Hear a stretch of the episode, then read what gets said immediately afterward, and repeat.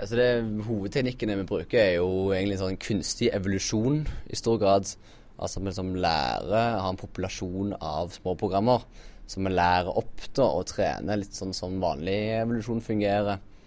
Uh, samtidig som vi også bruker teknikker som er bygd opp ganske lik hjernen til menneskene.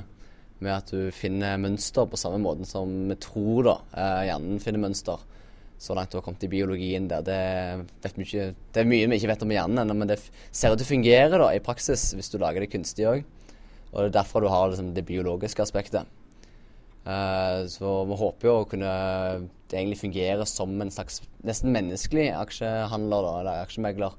Bare med mye større tilgang til informasjon, siden en maskin kan prosessere informasjon ganske mye raskere. Vi kaller det blackbox. da. Vi dytter noe inn, noe kommer ut.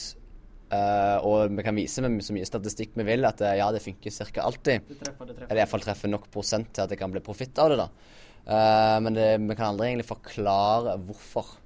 For det fins egentlig ingen hvorfor. Det er litt sånn som hjernen fungerer. Du vet ikke helt hvorfor du tenker, men du tenker. Ikke sant.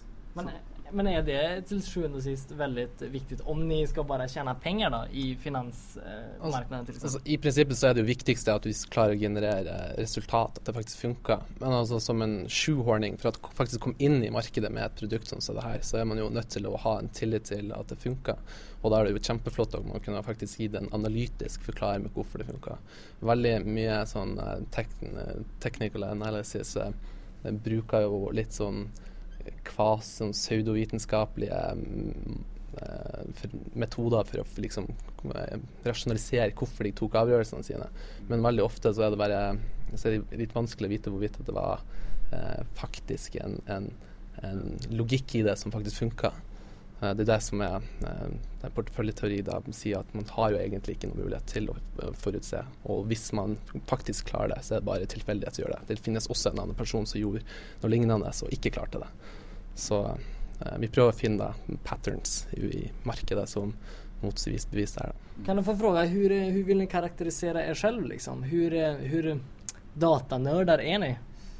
Jeg vil si jeg er kanskje 70 datanerd og 30 eh, sånn eh, økonom, business.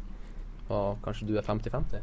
Ja, kanskje vi er 50-50. Jeg vet ikke jeg være kronnerd-typen, men uh, litt mer sånn business-minded. Ja, like mer den siden, så ja, vi har jo fått sånn I hvert fall noen uh, som har sendt mail allerede etter det oppslaget i Dagens Næringsliv. Så en del tar kontakt.